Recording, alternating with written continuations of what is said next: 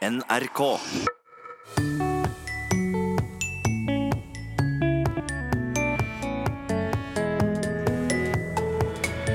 Har du prøvd å prate på dialekt til en Google-høyttaler? Hvilket vær blir det i dag? Katten har tolv grader og regn. Lom-dialekten fungerer dårlig for å få hjelp av Alexa. Men hvem skal gi Dingsa et ordforråd? Jo, Språkbanken. En bank med norske ord. Men der er det lite Lom-dialekt eller andre norske dialekter, for den saks skyld. Så det vi trenger, det er veldig store mengder data eh, av, av norske dialekter. Vi tar rett og slett en tur i banken i Språkteigen i dag. Denne uka kom en viktig rapport om tilstanden for språket vårt. Den slår fast at norsk språk er svekka på nesten alle samfunnsområder de siste ti åra. Om en sier kjøkken eller kjøkken, er relativt eh, lite problem for norsk språk i framtida. Derimot er det et stort problem dersom det er sånn at norsk bare blir brukt nettopp på kjøkkenet. Det sa professor i nordisk språkvitenskap Unn Røyneland på NRK. Hun har leda utvalget som står bak rapporten. Den peker på flere områder hvor norsk er true. Vi skal ta for oss ett av dem, nemlig det teknologiske. Det er over ti år siden forrige språkmelding, og da ble oppretting av en norsk språkbank sett på som helt avgjørende for å sikre norsk inn i den digitale framtida. Det er brukt 72 millioner kroner på å bygge banken slik den er i dag. Men fortsatt har den store mangler, mener utvalget. Det skal vi prate mer om, men først skal vi rett og slett ta turen til banken for å bli kjent med den. Det er en helt vanlig morgen i november. Klokka den er snart ni. Det står ganske mange folk på trappa utafor Nasjonalbiblioteket i Oslo. Alle venter på at døren skal åpnes. Idet en mann i vaktantrekk åpner døren, så piler de inn. De fleste forsvinner ganske raskt inn på lesesala og inn i boksamlinga. Men Nasjonalbiblioteket er så mye mer enn et vanlig bibliotek. De er òg blant de viktigste aktørene innen utvikling av ny språkteknologi.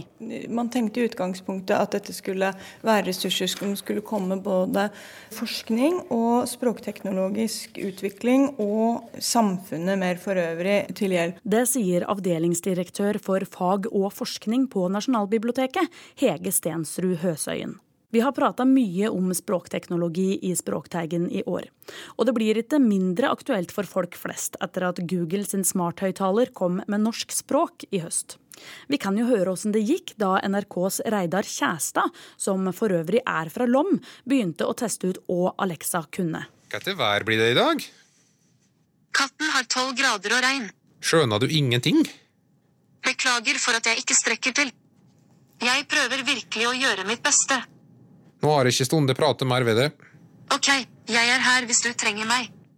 Tålost. Ifølge Wikipedia, troster er en gruppe fugler. Jeg sa tålost. Jeg skjønner dessverre ikke hva du mener. Nei, for Alexa trenger ord for å forstå. De orda hun kan, de kommer fra Språkbanken. Språkbanken er en tjeneste eh, som har eksistert siden eh, 2010 i Nasjonalbiblioteket.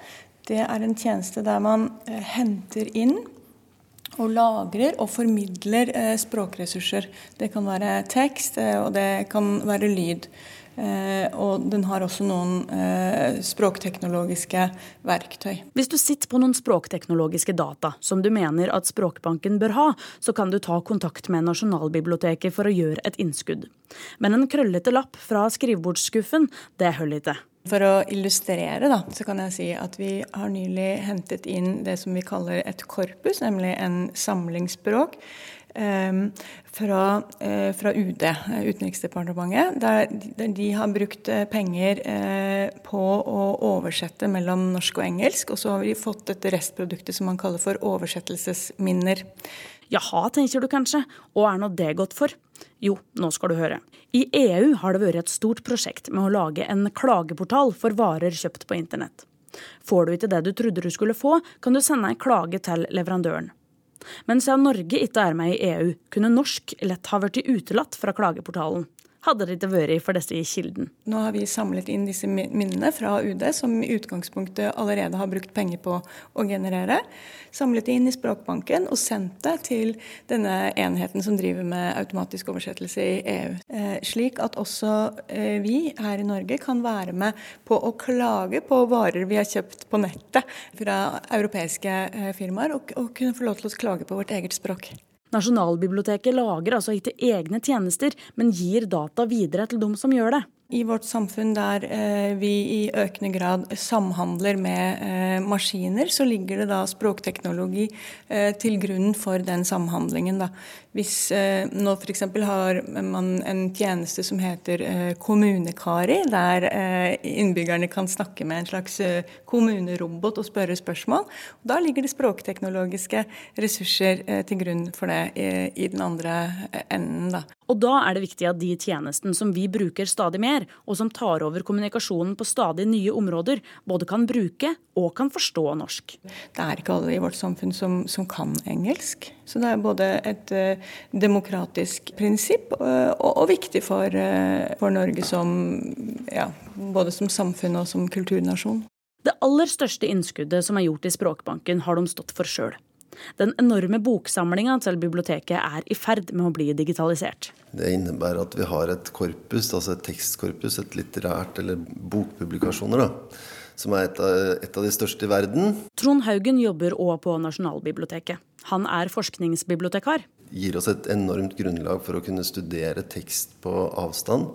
Eh, ikke bare tradisjonelt sitte og nærlese vakre og fine passasjer fra de norske klassikerne, men også å prøve å overskue det norske språket slik det utfolder seg og uttrykker seg i den norske bokkulturen. Da. Og da kan det jo hende noen av dere har det samme spørsmålet som jeg hadde. Åssen gjøres egentlig dette? Ei og ei side, det vil jo ta evinnelig lang tid. Det er jo skanna i superraske skannere. Det er skanna i veldig veldig sakte og forsiktige skannere som støvsuger boksider over og behandler bøkene på aller beste mulige måte. Det her er jo både et dette er både et, det, si, det er både et digitaliserings-, et tilgjengeliggjøringsperspektiv der, og et bevaringsperspektiv. For det betyr jo at forskere og lesere kan jobbe med gamle og veldig skjøre bøker uten å egentlig ta i dem. Så hele den norske bokkulturen er på en måte tilgjengelig i søkbar form. Og da dukker det opp artige muligheter. For det første så er det enormt enkelt å finne igjen passasjer eller ting folk lurer på. Men en annen ting er at det gjør, gjør det også mulig for oss å se, se på tre, store trender i ordbruk, f.eks. Når er det man snakker mest om Hamsun? Når er det man snakker minst om Hamsun? Eh, altså Man kan rett og slett stille merkelige spørsmål som man ikke ville hatt anledning til å finne svar på tidligere. Da. Rett og slett fordi at da må du blæ gjennom så mange bøker og så mange sider at det er umulig å finne svaret? Ja, det ville vært veldig vanskelig. Uh, ingenting er umulig, det tar jo bare lengre tid. Et eksempel som Trond tar opp av skjermen sin, er orda abort og likestilling. To grafer dukker opp. De viser at ordet abort først viste seg i litteraturen i ca. 1838, og ordet likestilling på starten av 1880-tallet. Med noen forbehold, sjølsagt. OCR-skanneren er foreløpig ikke perfekt. Eh, det blir bedre og bedre. Teknologien utvikler seg der hele tida. Så vi kan jo ikke si det helt bestemt, men vi kan si at det ok, men fra 1880 i hvert fall, så er, er det på en måte nok forekomster av ordet likestilling til at det viser seg i en uh, trendkurve. Kurven de følger hverandre på en slik måte at det er tydelig at orda har med hverandre å gjøre. Uh, det kan være interessant i begrepshistorie, men det kan også være interessant for å se på politisk, stille politiske spørsmål, for å si, se hvordan begreper har vært assosiert med hverandre, som f.eks. likestilling og abort, som på en måte følger en veldig lik Eh, kurve i, i frekvensen eh, som de, de, de to ordene er brukt i den totale litteraturen. Liksom. Men òg andre, ja faktisk vi alle, kan komme til å kose seg med å søke inne i systemet som ligger tilgjengelig på nett og heter Ngram. Det, altså hvis du er lo lokalhistorisk interessert, så kan du også gå inn og stille spørsmål om enkelthendelser som du vet har skjedd i ditt nærområde se på Bare kjøre en frekvensanalyse av det. Se når det dukker opp, når det ordet eller stedet er hyppigst omtalt i den norske litteraturen. For moro skyld, mm -hmm. kan du søke på Mjøsa? Mjøsa kan vi søke på. Og der ser vi at det var eh, fra litt før 1900-tallet.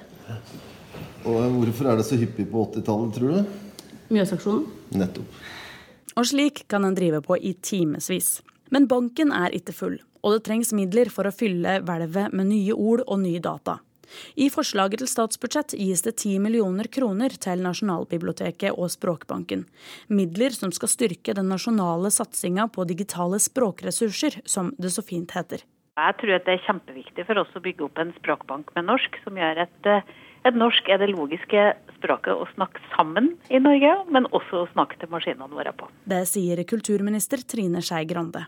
Hvis vi skal ha ny og moderne infrastruktur i Norge, der vi også f.eks. kan snakke til både ja, kjøleskapet, døra vår, eller sånn som det er i dag, nemlig at du kan snakke til høyttaleren din, så vil jo jeg at du skal både kunne snakke språket ditt og kunne snakke dialekten din.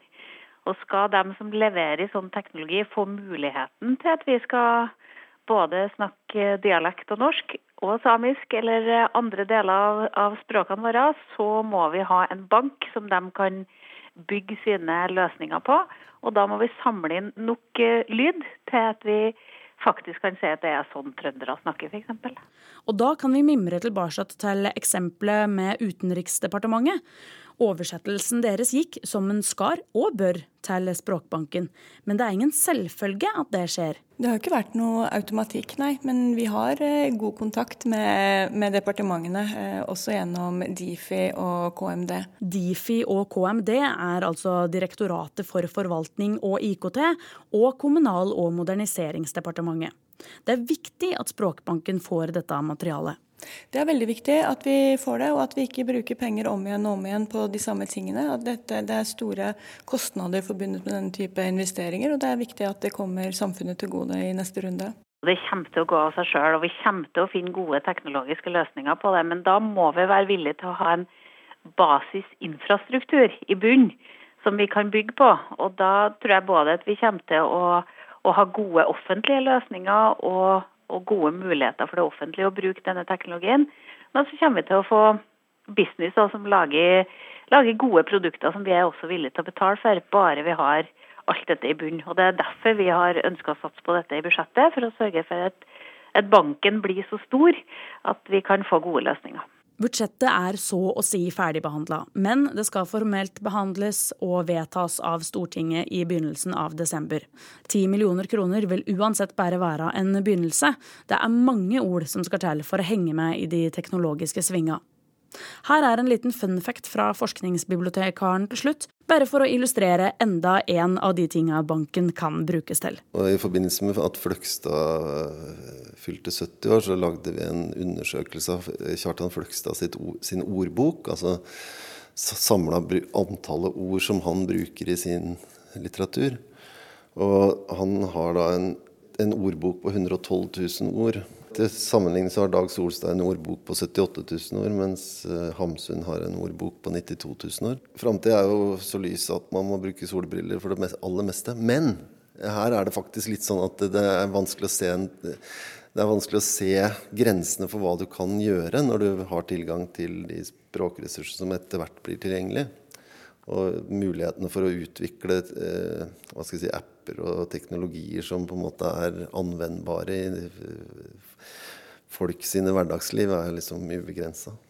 Reporter i Språkbanken var Helle Therese Kongsrud.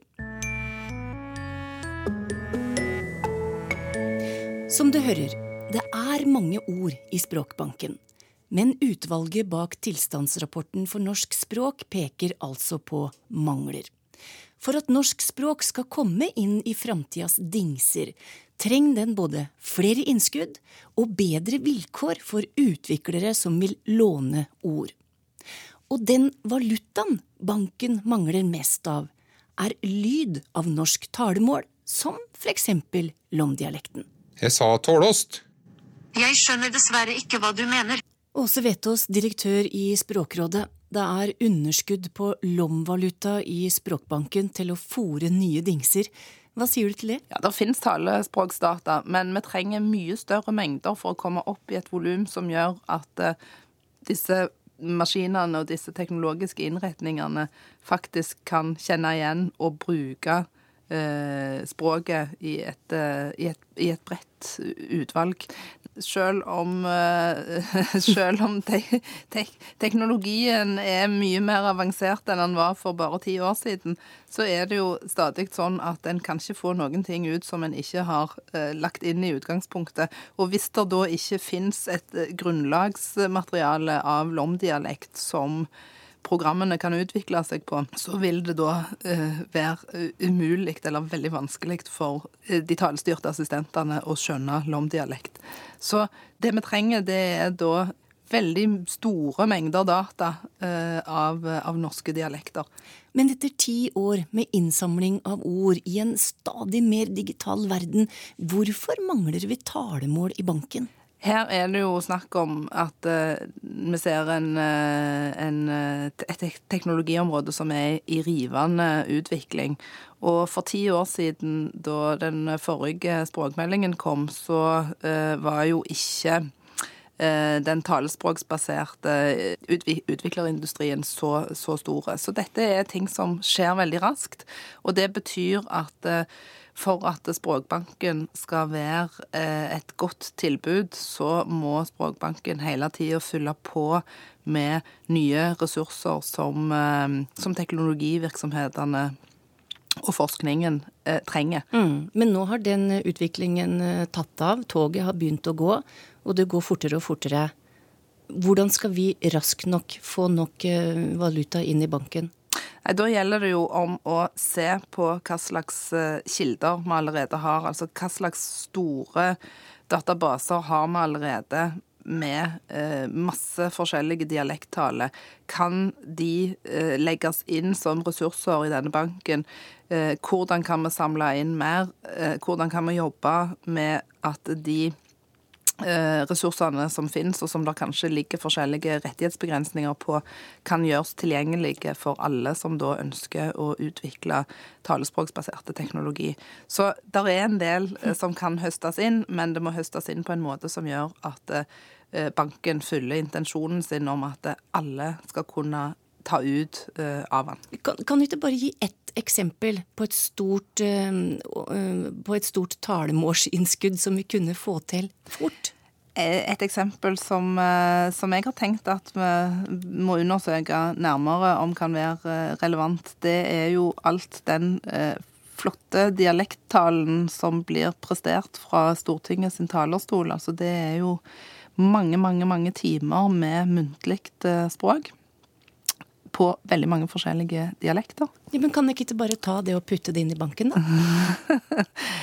Nei, fullt så enkelt eh, er det ikke. Dette er noe som uh, selvsagt må, må, diskuteres både med de som uh, eier dataene, og de som eier uh, stemmene.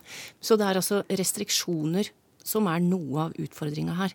Ja, og det er jo noe som talemålsforskere er veldig kjente med. For Eh, som regel, eller veldig ofte i hvert fall, så er det sånn at når en da tar uh, autentiske opptak uh, med, med, med, levende personer, så, så, er det en del uh, klausuleringer og restriksjoner på det, sånn at en ikke skal risikere at personvern og integritet til enkeltmennesker blir tråkka på. Mm.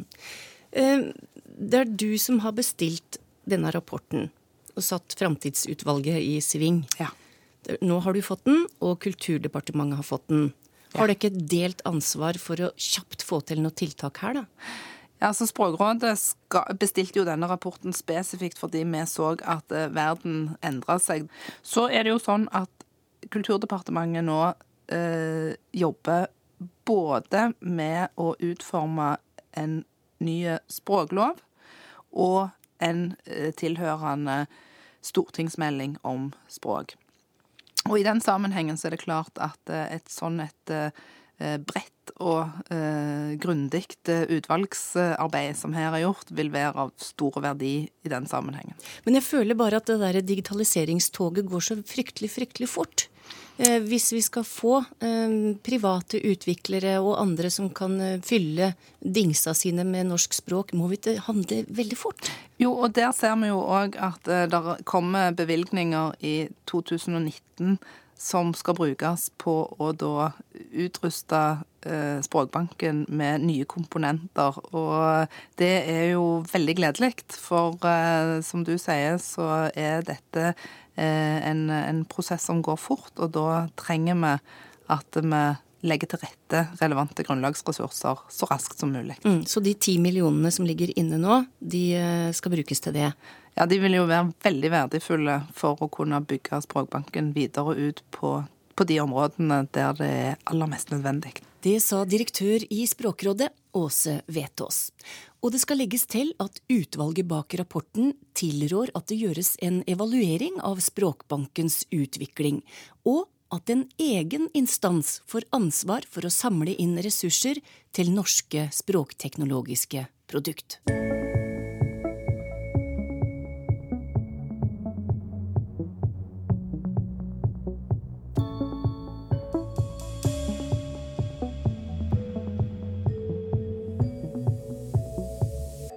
Nå har vi prata mye om ord, og i forlengelsen av det kan vi jo ta for oss nok et ord, nemlig Årets ord 2018.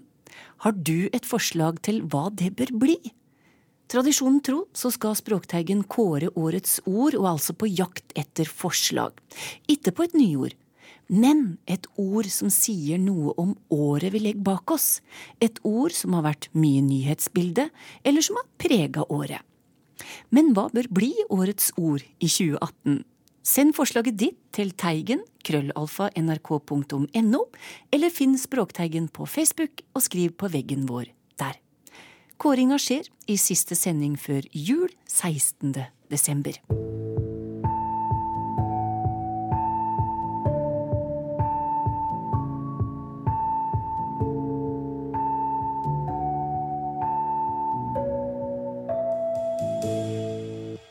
Er klart for lytterspørsmål, og det er Kjellaug Myhre som slipper til med to spørsmål. Hun skriver på P2 hørte jeg programlederen bruke uttrykket 'det gikk ei kule varmt' da hun mente at de hun prata om, hadde hatt det brenntravelt. Jeg har alltid trodd at uttrykket refererer til noen som er rykende uenig, og som gir uttrykk for det i sterke ordelag. Hvem har rett, programlederen eller jeg? Eller begge to, spør Kjellaug. Og jeg spør deg, Georg Kjøll. Det er begge som har eh, rett. Det er en betydning som er den eh, opprinnelige, eh, antagelig. Som handler om den Kjellaug nevner, altså det å være uenig om noe. Og da starte en krangel på bakgrunn av det, eller en opphetet diskusjon. Mm. Og, og, så har den andre betydningen, da, at det gikk, det gikk, litt hett for seg, for å bruke et annet uttrykk. At det har, det har kommet til litt etter hvert. Men det handler om eh, betydningen av kule, som, er, eh, som vi finner i hostekule og fyllekule og latterkule. Altså, eh, det er en omgang med, med, noe. Så det ble en het omgang. Det ble en omgang med diskusjon hvor det gikk, hvor gikk helt for seg. Det er betydningen av det. Det er ikke så stor variasjon i, eller det er ikke så, så stort uh, sprang mellom de to betydningene, men det er jo, som Kjellaug sier, en betydningsnyanse her. Da. Så, så, det har skjedd en liten, liten endring. Men uh, stort sett så forstår vi hva det er snakk om. Og det er, ikke, det er ikke to betydninger som spenner bein på hverandre, sånn som vi har med andre misforståelser. Her mm. er det, her er det relativt greit å skjønne at hvis det gikk en kule varmt i en politisk debatt, f.eks., at det er den betydningen det er snakk om.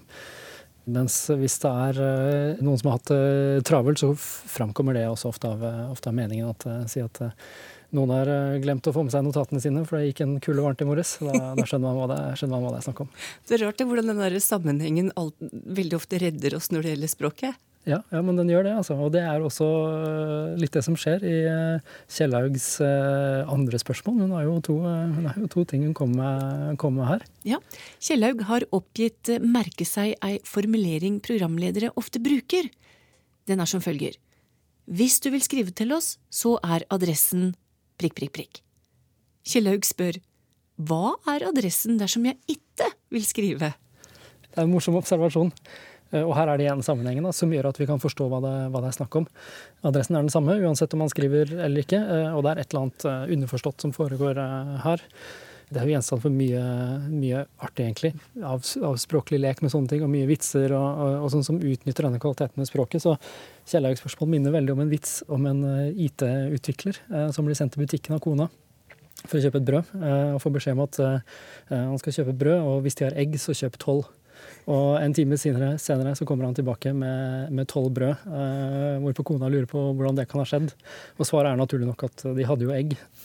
Så han har tolket denne setningen, da, denne såkalte kondisjonale setningen som at eh, hvis de har egg, så kan du kjøpe tolv brød. Mens, mens, det ordet som manglet, kjøp tolv egg, det, det, har han ikke hentet ut selv. Da, som en person som ikke er IT-utvikler, kanskje, kanskje, ville gjort. Og, og, det er ikke helt tilfeldig at, uh, at det er ofte i, den, i, varianter av den vitsen at det er en IT-mann som, som, er den som henges ut. fordi Folk som jobber med datamaskiner, er jo vant til at det skal være fryktelig presist. Hvis ikke så nytter det ikke. Eh, hvis det ikke står eh, eksplisitt i, i koden din, så, så, kommer ikke datamaskinen til å tolke det på samme måte som mennesker.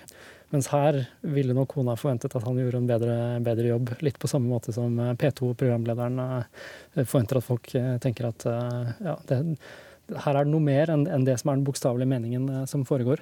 Og Det som foregår i dette eksempelet, er at vi har, eh, vi har, å gjøre med det som eh, kalles en ellipse, altså en del av en setning som, som er underforstått. Eh, og vi har ulike typer ellipser.